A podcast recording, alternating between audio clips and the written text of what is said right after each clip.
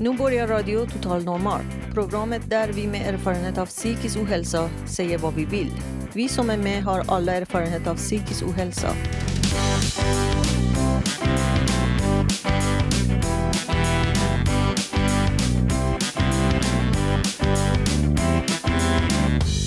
Du lyssnar på Radio Total Normal 101,1 MHz. Totalt normalt. Radio Total Normal, torsdagar från två till halv fyra. Vi livesänder med publik från Götgatan 38 i Stockholm. Kom hit och lyssna. Här är alla röster lika värda.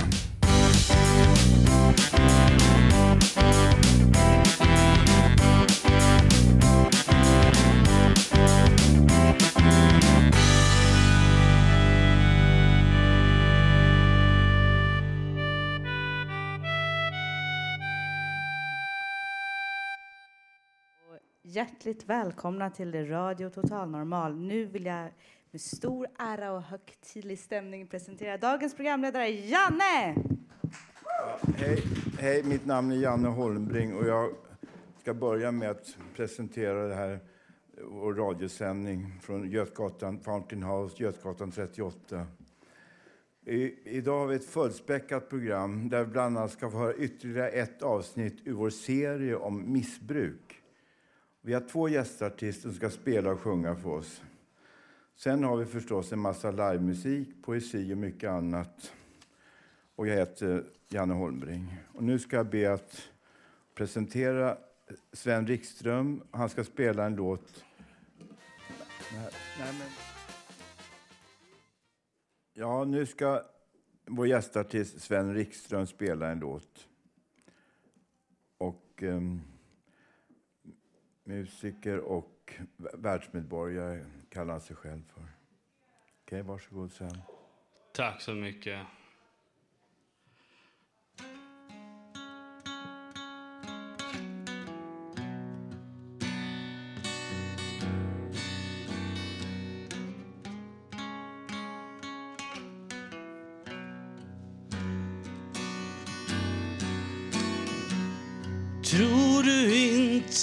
Att jag vart i vilda vatten förr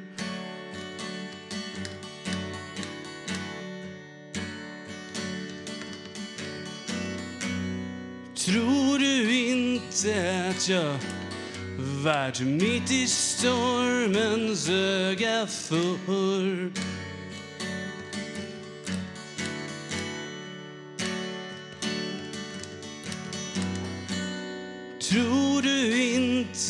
inte jag vart där kalla vindar blåser för.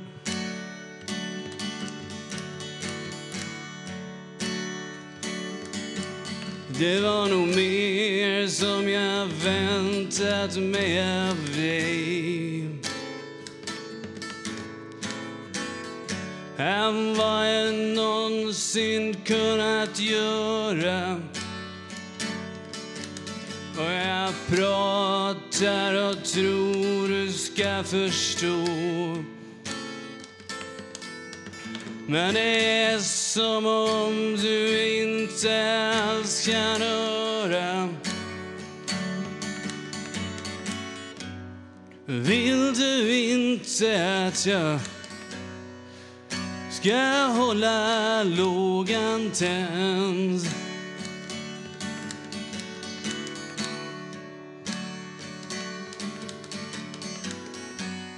Vill du inte att jag ska sluta känna mig så bränd?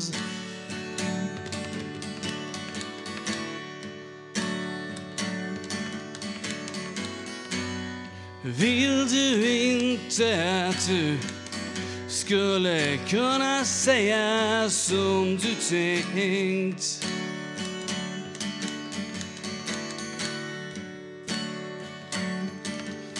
Det är nog mer som jag saknat utav dig.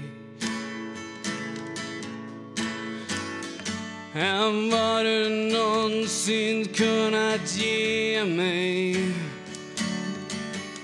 Och du sitter tyst och tror jag ska förstå men det är som om jag inte alls kan se dig.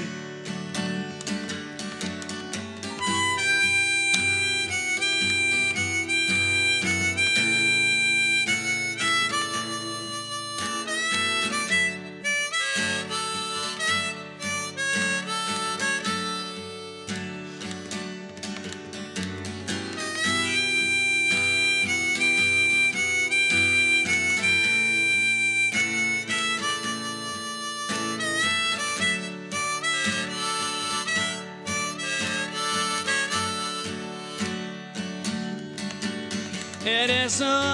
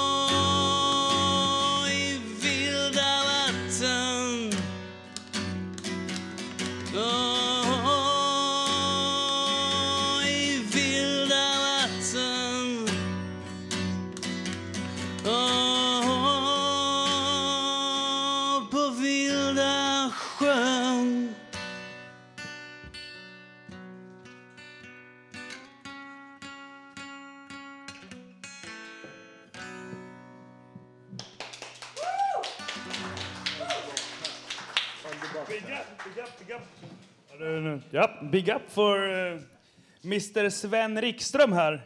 Välkommen hit. Tack så mycket, tack så mycket. Eh, när jag lyssnade på din musik här eh, tidigare på dagen, innan du hade kommit hit, så lät det som att du skulle kunna vara en svensk version av Bruce Springsteen.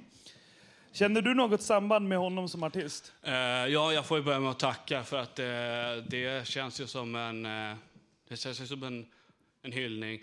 Eh, men eh, ja, alltså om jag säger så här, med rätt skivbolag i ryggen och tillräckligt mycket pengar så är det ju inte omöjligt. Eh, det är kanske lite, lite icke-ödmjukt sagt, men eh, det tror jag nog skulle gå. Det låter ju fantastiskt att få se dig på de här stora Ullevi-scenerna eller någonting sådär. Hur kommer det sig att du hittade hit till Radio Total Normal idag?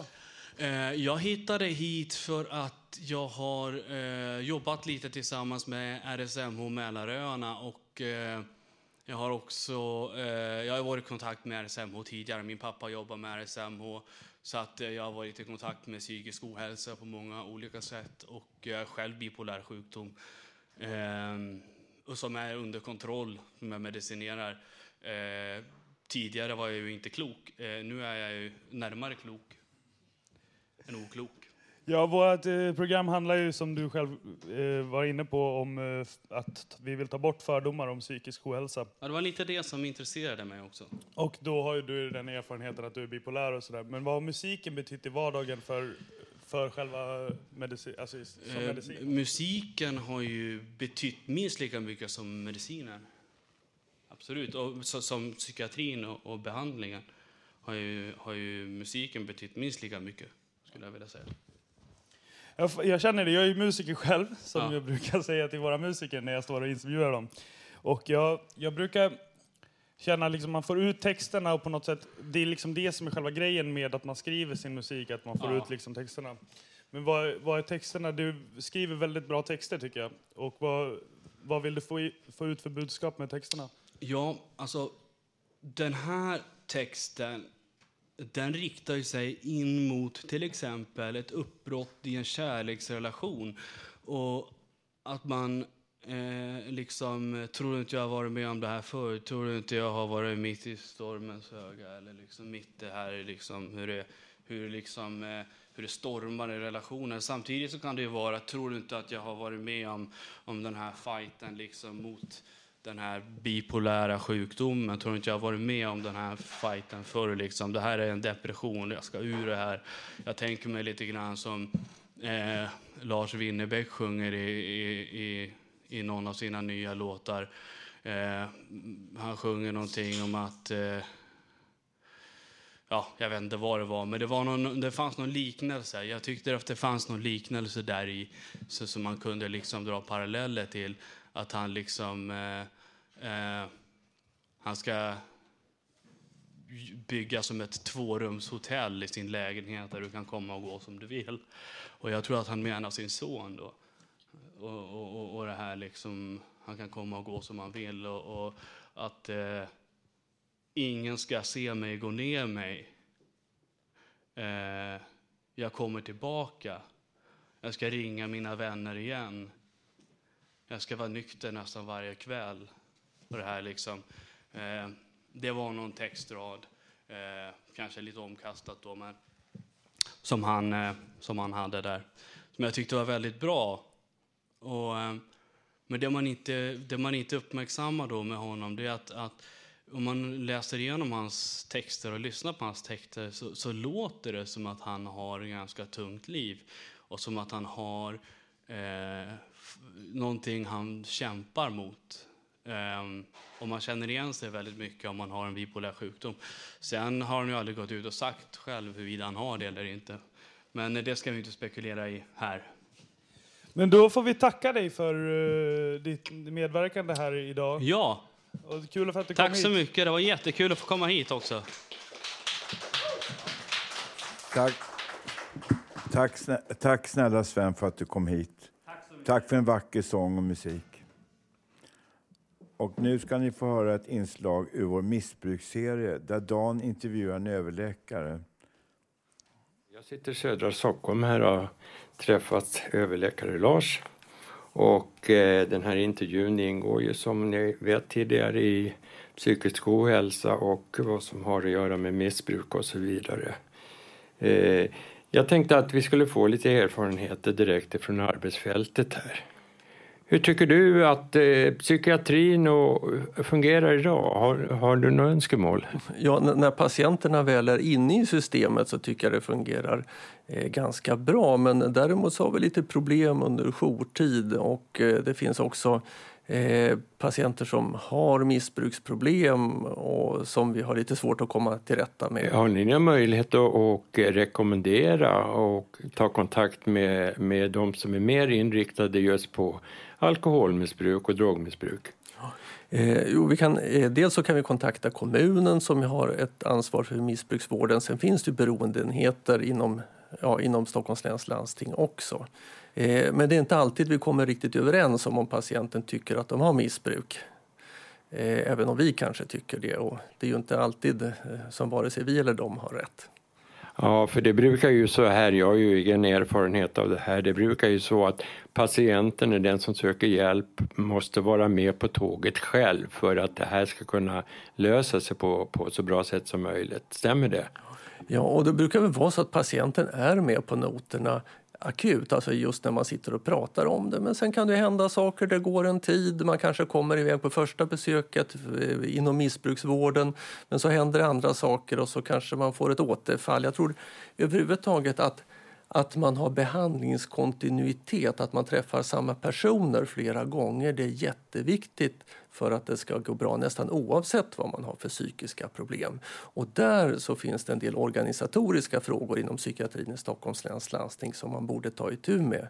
Inte minst att vi har en länsakut för hela länet med kontinuitetsbrott. Det vore bättre, tycker jag, om varje enhet själv stod för sin, ja, sitt akutomhändertagande. Det här när man är inlagd till exempel som patient, jag har ju erfarenhet själv. Jag fick ju inte några många terapeutiska samtal eller skulle det inte behövas lite folk som man gick på samtal under tiden som man är inlagd? Eh, det, skulle vara, det är ju en resursfråga. Så som sagt, hade vi den möjligheten så, så vore det säkert bra. Sen ska man betänka att många patienter som läggs in akut mår så dåligt att de inte är riktigt tillgängliga för samtal. Men så fort man börjar klarna till och närma sig livet där ute så skulle det vara möjligt. Eh, nu så ska vi omorganisera oss här från 1 oktober i år är det tänkt och det är mycket möjligt att det kommer att finnas en sån resurs på de avdelningar som hör till. Ja, det låter lovande att ni får jobba för det. Eh, någonting som, som jag också har, upp, eh, har belyst och kommer belysa mer i den här serien det är ju det här med spelmissbruk.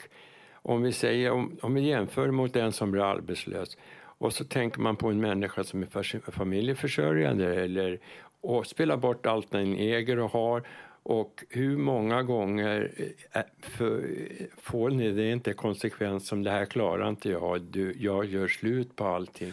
Eh, jag måste säga att jag känner mig lite yrvaken vad det gäller spelmissbruk. Jag har inte förstått omfattningen av det riktigt.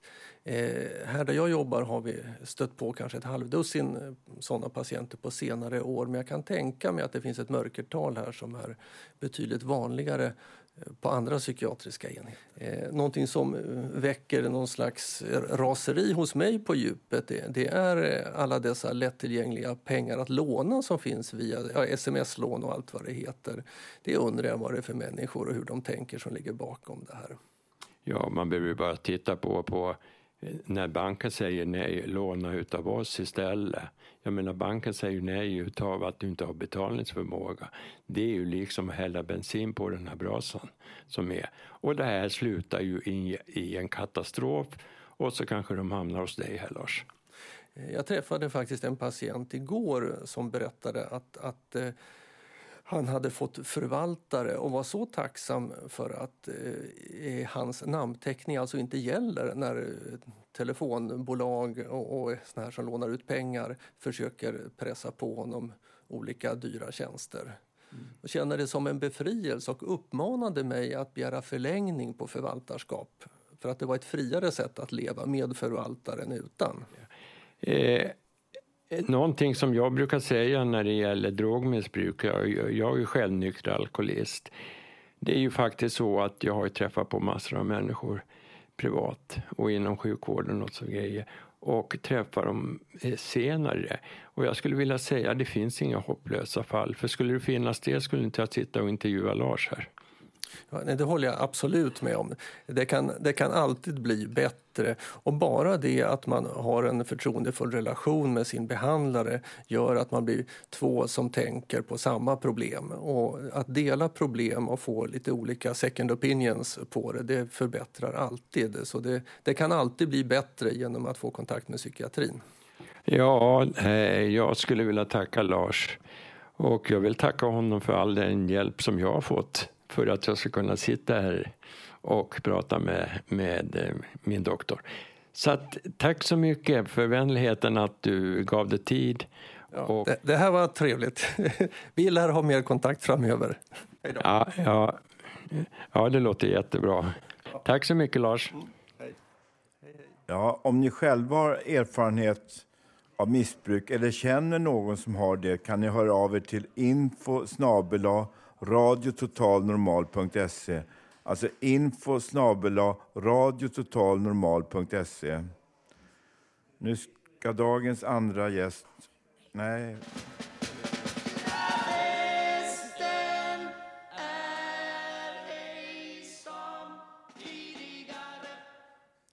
Ja, nu ska, jag sa fel för, men nu ska dagens andra gästartist Gustav Sundén spela en låt. Ja, eh, just det. Hej allihopa. Jag ska spela en liten, ett litet stycke för eh, sologitarr som heter eh, La Muerte, som alltså betyder döden på spanska.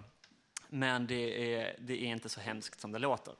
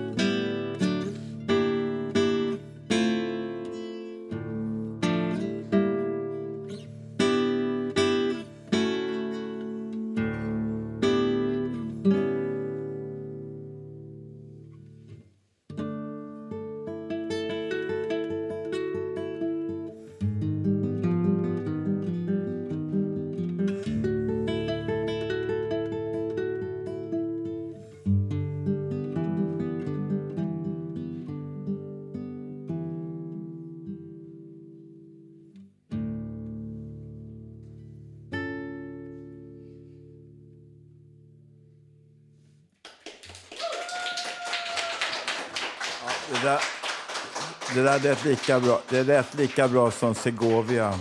Tack så Lika mycket. bra som Segovia. Tack. Eh, nu ska ni höra ett inslag här som Gabriel har gjort. Det kommer nu. I samband med eh, att antagligen hela samhällskarusellen för den som iakttog den kunde konstatera att jo, men detta lär ju falla ihop eller bli så modernt att inte ens det som kommer om 30 dagar är i närheten av någonting som kanske kommer över gränsen eller hamnar på tv i inkorgen. Ja, senare då helt enkelt. Jag befann mig på tunnelbanan och pratade i mobilen. Säkert skulle jag titta på någonting spännande på tv runt morgontimmarna.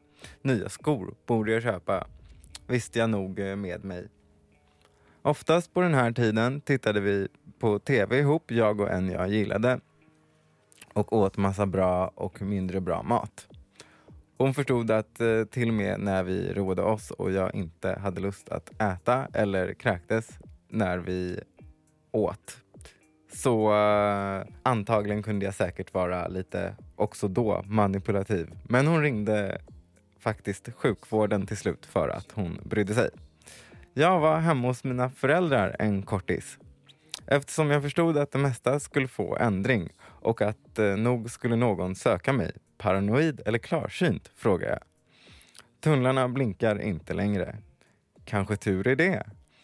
Jag föreslog att vi skulle mötas, jag och eh, värsta skogen crew. När jag var i skolan veckan efter ringde det på mobilen. Det var lagkaptenen. Vi skulle till Europa för att se om det fanns några återförsäljare på glömd kultur. Instruktionerna var enkla. Vi måste äta gott, åka taxi och göra grogg. Det finns tatueringsstudios. Väldigt frestande. Naturlish. Vad kostar en eh, hel massa snaps? Solen hade inte gått upp och eh, vi spraymålade våra skor innan vi klev på en eh, buss till eh, flighten. Vem talar pragiska? Är det någon som vet var det går att bo? Kommer vädret vara intressant? Mina byxor var inte så sköna. Oljudet egentligen var, om man kan fråga sig, mp3or och brända cd-skivor med Sonic Youth, Rihanna, dubstep-mixar, insydda jeans eller en kompis. Flight eh, 3561 Norrköping, Stockholm. Passagerare ombedes gå till eh, gate 3. Vi dricker något gott på morgonen och har stora ögon. Det är kring åtta tiden. Vi kommer på flyget två timmar senare. Vi bläddrar i tidningar, lyssnar på musik. Äter något litet. Det är en röst som berättar om hur länge vi är i luften. Vi får reda på att det lär eh, vara bra väder och att eftersom det är en kort resa så serveras ingen varm mat. Planet skakar en del. När vi landar och kommer av hämtar vi vårt bagage så fort vi bara kan. En adress finns. Det är eh, ett tunnelbanenät men vi är utanför det vid tidpunkten. 2007, forna öst. En buss måste hyras för att eh, landa oss på adressen. Jag tuggar tuggummi och håller ett samtal med min kompis om hur det fungerar egentligen med eh, ja, kultur och förhållningssättet till eh, turister. Republiken Tjeckien är eh, grannar med Polen konstaterades. Jag blossade vidare på min ask cigaretter. Tyskland och typ baltstaterna eller Ukraina är här också typ. Ingen sa någonting. Vädret var jättefint.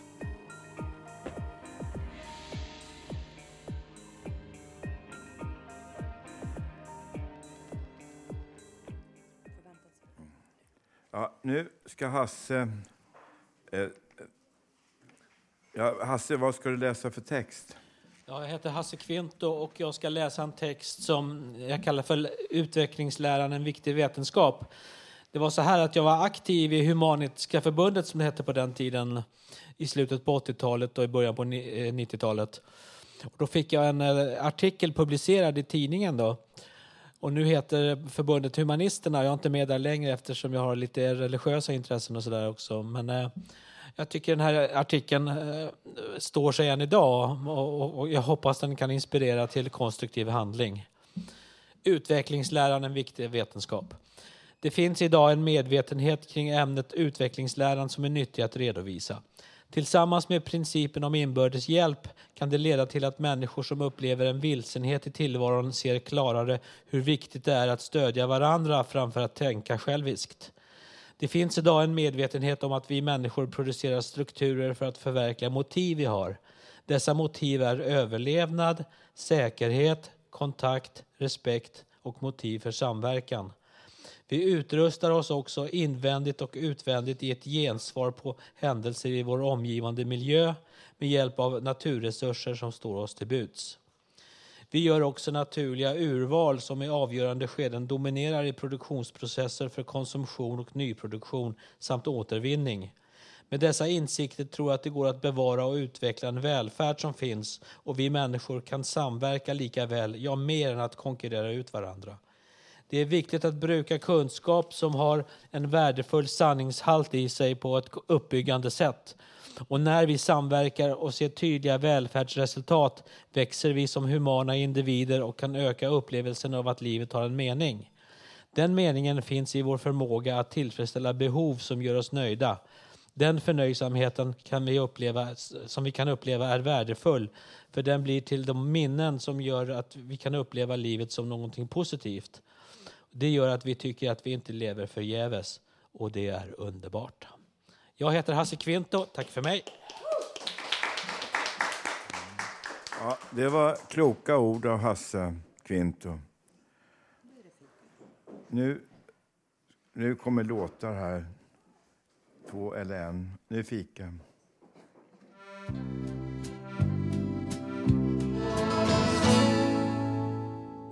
Nu fortsätter vår radiosändning från Radio Total Normal, Götgatan 38, Södermalm i Stockholm. Now we continue our broadcasting from Götgatan 38, Södermalm, Stockholm, Sweden. Nu ska eh, Benny läsa upp ett brev. Now Benny will read a letter. Thank you, Janne. Hej, du kära statsminister. Jag är en kille på 27 och ett halvt år som behöver ett jobb inom de närmaste två åren. Ett jobb som ger mig ett stabilt liv och som ger mig en stabil inkomst. Och då menar jag självklart så att jag slipper söka bostadstillägg var och varannat år. Jag behöver en grundinkomst att stå på som inte tas bort om jag vänstrar hos andra företag också. Alltså som ger mig en möjlighet att tjäna pengar på och att utföra det jag är bra på. Jag behöver en fast anställning med fast lön och med fasta tydliga instruktioner på vad jag ska göra som ger mig en möjlighet att jobba några timmar extra ifall att jag inte orkar eller vill gå hem efter jobbet. Alternativt så att jag kan ta hem jobbet. Jag har ändå ingen som väntar på mig hemma. Plats för skratt.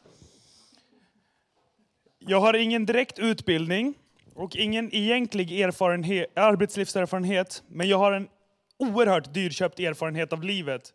Och att tjäna pengar åt välfärdsföretagen, det har jag varit riktigt bra på. Jag tänker, tänker att jag skulle kunna hålla i Nobelprisutdelningen. Det skulle jag vara bra på. Alternativet, med, eh, om ni tycker att den riktiga Nobelprisutdelningen är för viktig, så kan jag åka till Norge. Men då får ni betala resa och logi. Plats för skratt. Jag tänker att jag skulle kunna vara bra på att slå med en klubba i ett bord. Jag brukar titta på riksdagsdebatterna på tv och tänker då att det där skulle jag kunna göra minst lika bra. Jag kan också spela gitarr, sjunga eller rappa.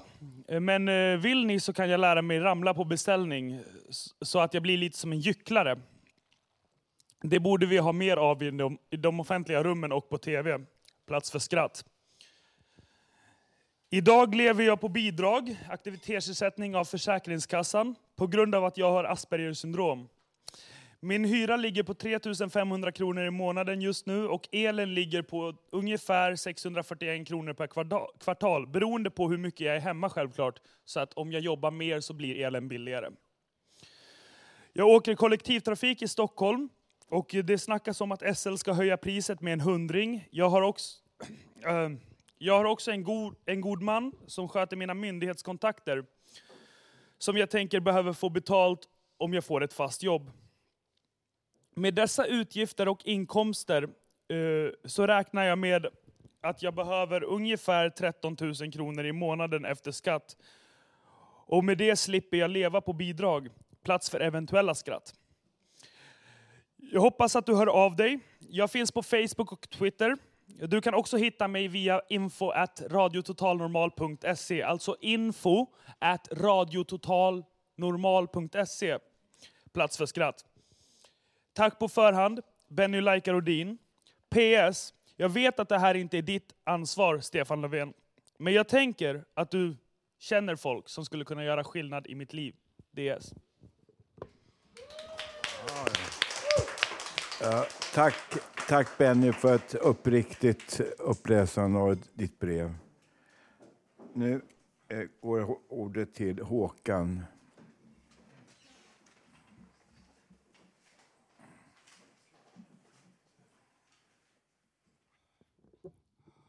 Ja, jag ska också tala om en förening som jag har varit med som också jobbar med den gruppen som jag har hört mycket om idag.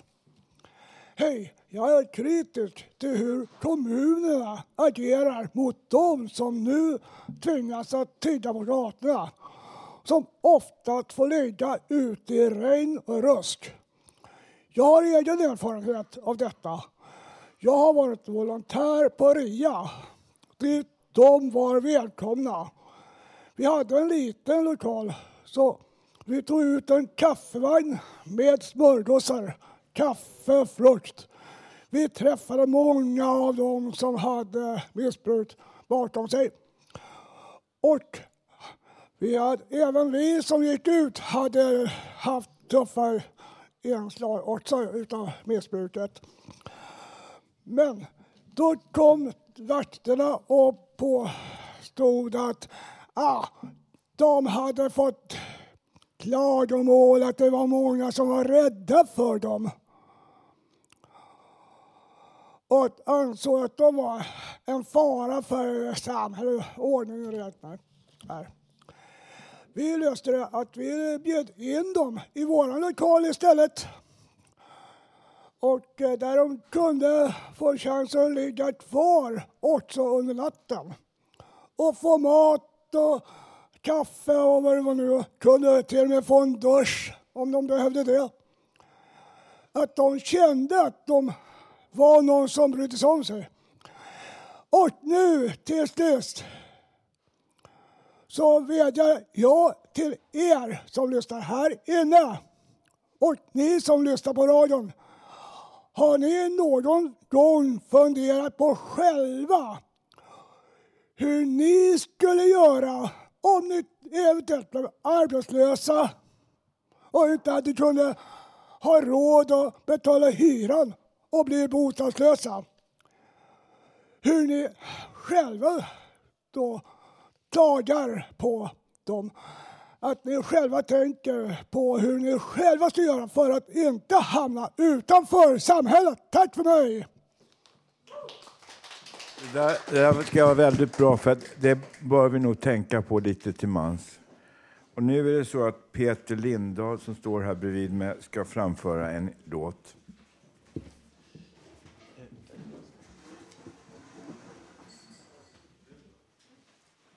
Ja, jag ska eh, presentera låten själv. Då, Det, är en, det är som så att eh, den här bygger på en dikt som jag skrev när jag var 20 år. Och det är över 40 år sedan.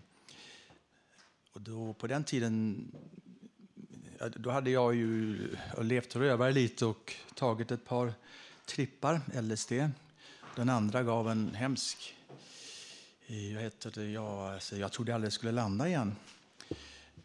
Och det ledde till att jag skrev den här dikten som sen gav upphov till en text. Och så satte jag musik till den så det blev Täbysång. Jag tyckte den var lite dyster, men eh, till slut så jag tog, tog sig en kompis och jag oss an att skriva en omarbetad version och då blev det Sanningens natt. Den skrev vi på 90-talet då. Så här går den.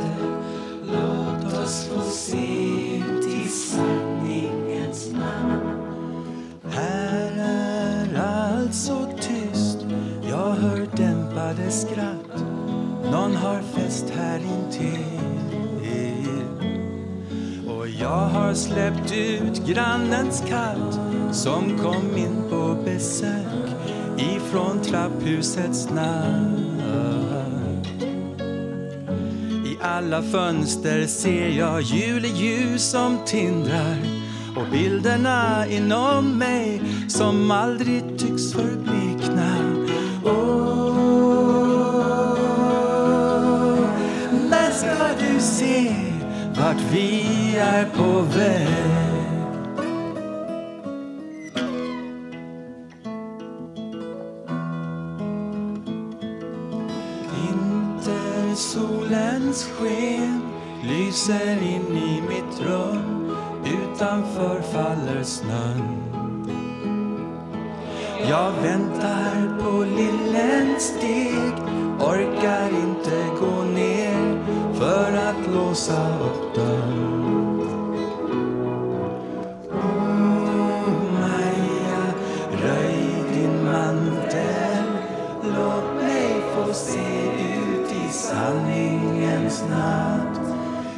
Natten följer på min dag och jag sitter här och söker svar. Min hyresvärd kom ner med te och jag tackar henne ömt för det. Akta dig så du inte går vilse i livet var orden hon gav mig.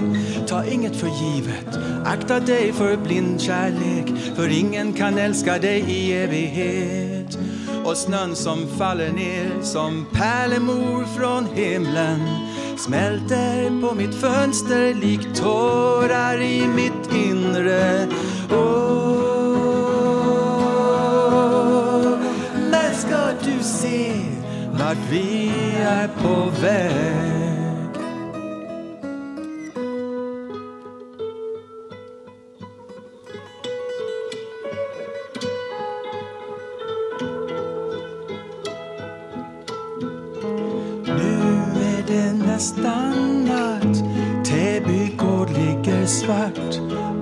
Stadshimlens röda kupol. Det enda liv som finns kvar är neonljusens flimmer och ensamma gatlyktors spår. Oh, Maja, röj din mantel. Låt oss få se ut i sanningens natt.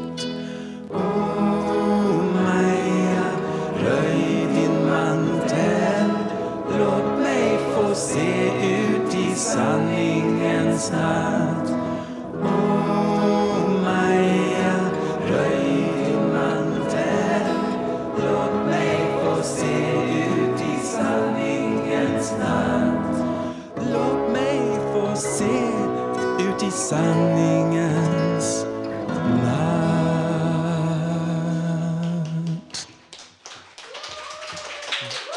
Tack så mycket. Det var, eh, det var känslosamt och vackert från Peter. Nu är det så att Carl Unbom ska läsa en egen dikt. Varsågod, Carl.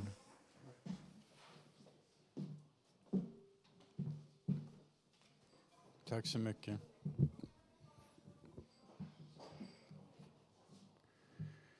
Jag älskar mörkret ty mörkret faller och ingenting faller som mörkret i rytmer. Så tycktes oftast drömmen om andra sidan som kommen i rytmer och ingenting tycktes som denna vid den tiden mörkret faller. Ty rytmen gav drömmen en visdomens mantel. Och jag älskar visdomen till visdomen vilar och ingenting vilar som visdomens bortglömda landskap. Så tycktes det oftast sammetsanden i öknen som vilande visdom och ingenting tycktes som denna vid den tid då vandraren tröttnar, faller och inte längre orkar. Då sammetsanden sveper över glömda fotspår och glömskan av andningen sammanfaller med diktens rytmer. Jag ska invänta den kväll då bara stillhet råder och månskivan utvisar bilden av hela mänskligheten som ett vilsekommet barn. Då ska jag låta sista vilan komma med samma sällhet som visdomen själv. Tack.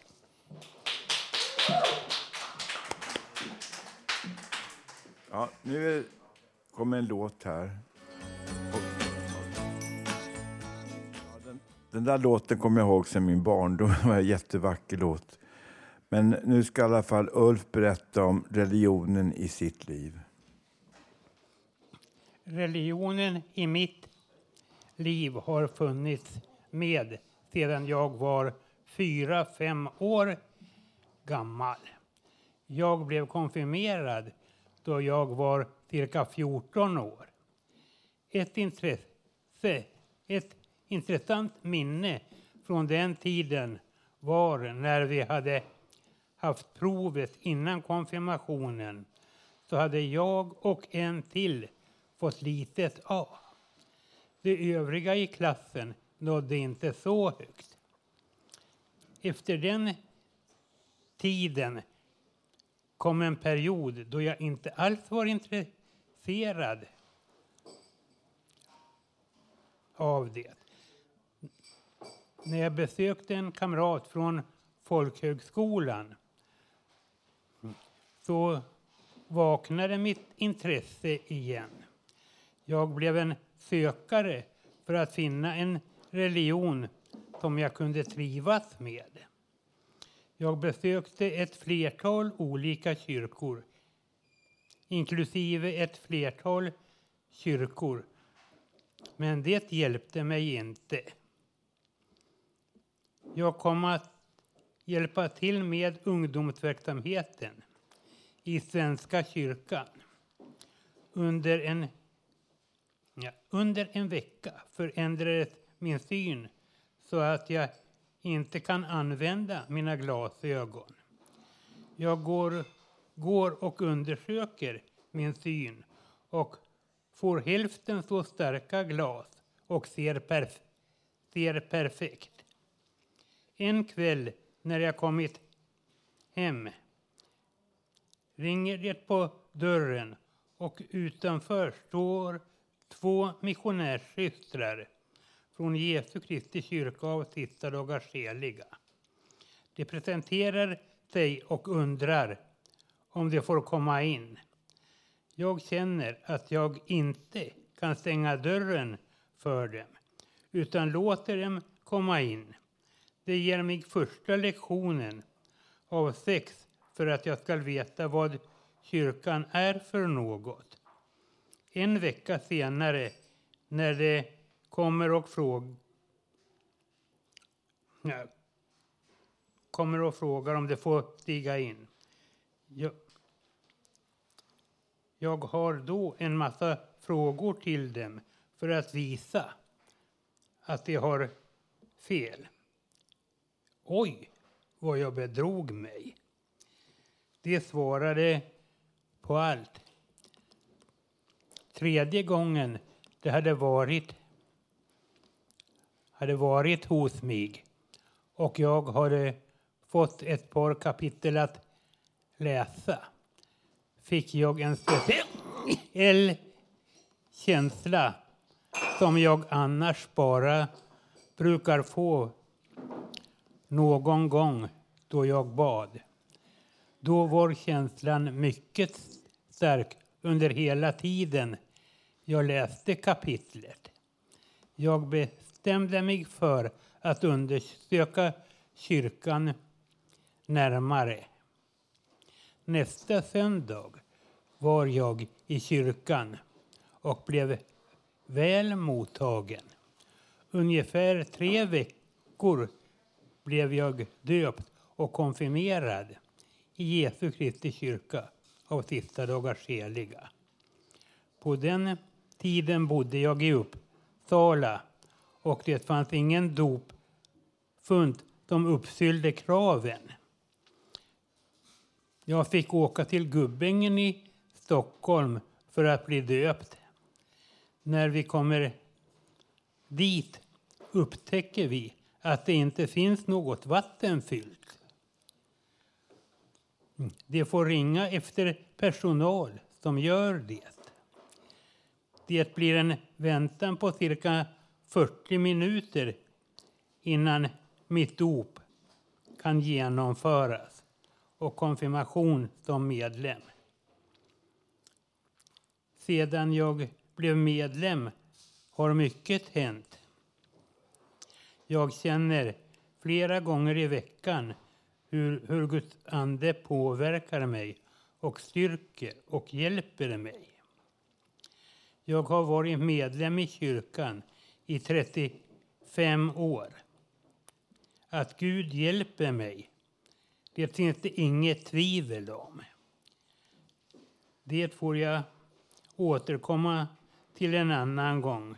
Det skulle ta för mycket plats i detta program som redan balanserar på minuterna att hinna. Tack för att jag fick ordet. Ja, det var, jag ska säga så. Det var en gång i tiden som man var troende kristen var man på 50-60-talet. Men sen kom en period då man, det var inte populärt att vara kristen eller religiös. Va? Det skulle vara sekularisering. Man fick inte, nu har man blivit så att man får inte ens sjunga salmer på, sko, eh, på skolavslutning. Jag tycker vi ska kunna tänka, vi är ett fritt land, vi har rätt att ha vår religion och religionsutövning. Och det gäller alla religioner som finns. Och vi måste visa respekt och hänsyn till varandra och till olika andra religioner som utom, så att vi inte kränker varandra.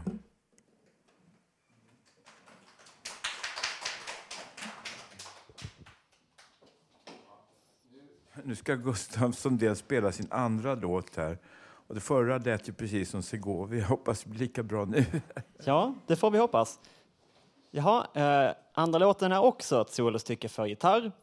Eh, och det här är en, eh, ett stycke komponerat av John Dowland som är en renässanskompositör från England. Levde mellan 1580 och 1620 ungefär. Eh, så det har några år på nacken. Eh, och stycket heter Lacrime Pavan.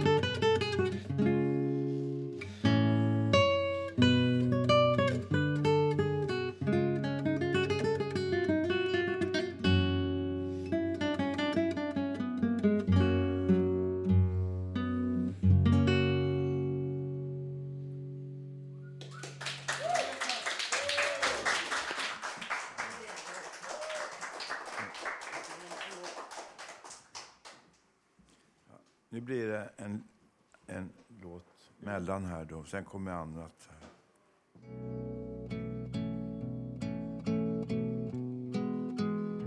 Nu är det dags för, nu är det dags för Marco, vår excellente sångare och pianospelare som ska, eh, eh, ska sjunga en sång. Ja. Varsågod Marco. Tack så mycket. Jag ska bara representera att det här låg på listorna 1989 och en Stock Aitken and Waterman-produktion. Det var en trio engelsmän som producerade en ett stort knippe dans och diskolåtar discolåtar under slutet av 80-talet och början av 90-talet för bland annat Donna Summer som den här låten.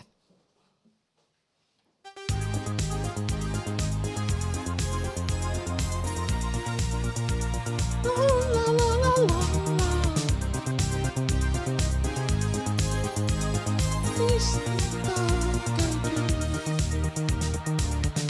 ystäviltäni neuvo kaipaa, siihen mitä tiedän jo. Kuten parhaimmassa maailmoista, et suhteellisuuden tajua menetä.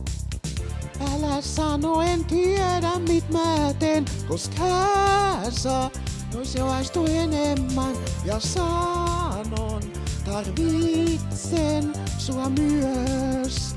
Olen konari vain, en tahdo haavoittua, en tahdo haavoittua. En etsi mitään sydämen puruja, en tahdo haavoittua, mut tiedän se riski, ottaa täytyy. En tuttaviltain muistutus kaipaa, ereistä mitä tehnyt mä oon.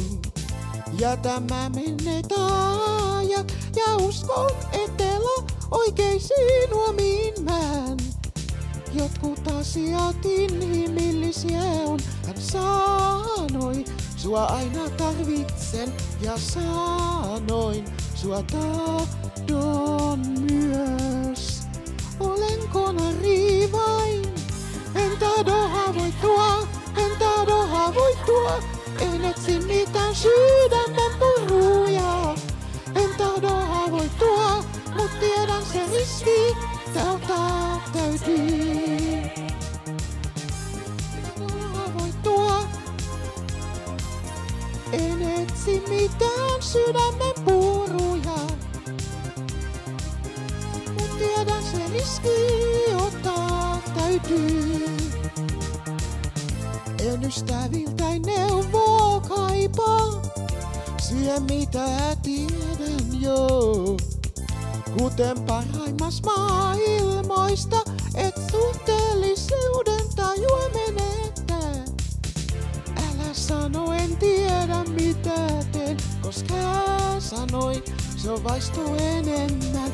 Ja sanoin, tarvitsen sinua myös.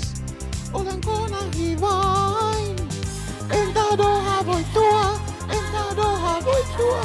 En etsi mitään sydämen puruja, en tahdo haavoittua, mut tiedän se riski, ottaa täytyy.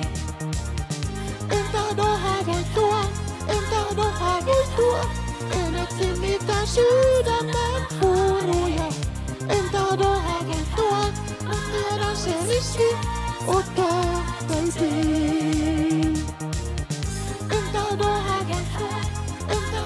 Tahdo haavoittua, en etsi mitään sydämen puruja. En tahdo haavoittua, mut tiedän se riski, Tack, ottaa Tack snälla Marco. Tack Marco. Eh, Kitos. Kitos, eh, Kitos eh, Marco.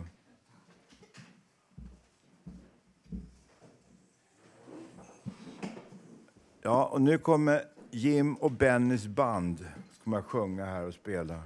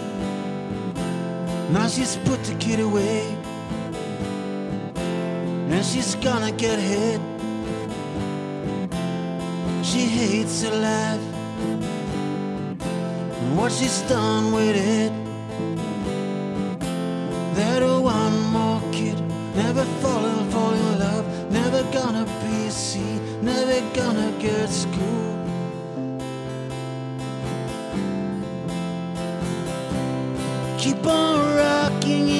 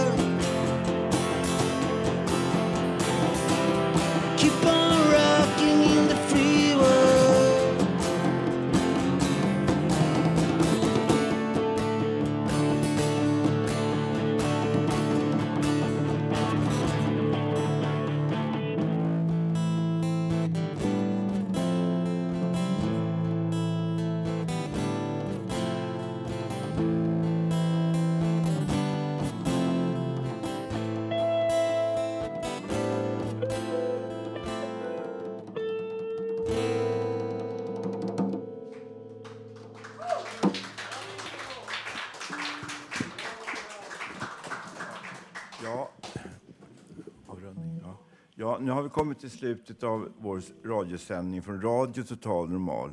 Now we have come to the end of this broadcast from Radio Total Normal Stockholm, Sweden.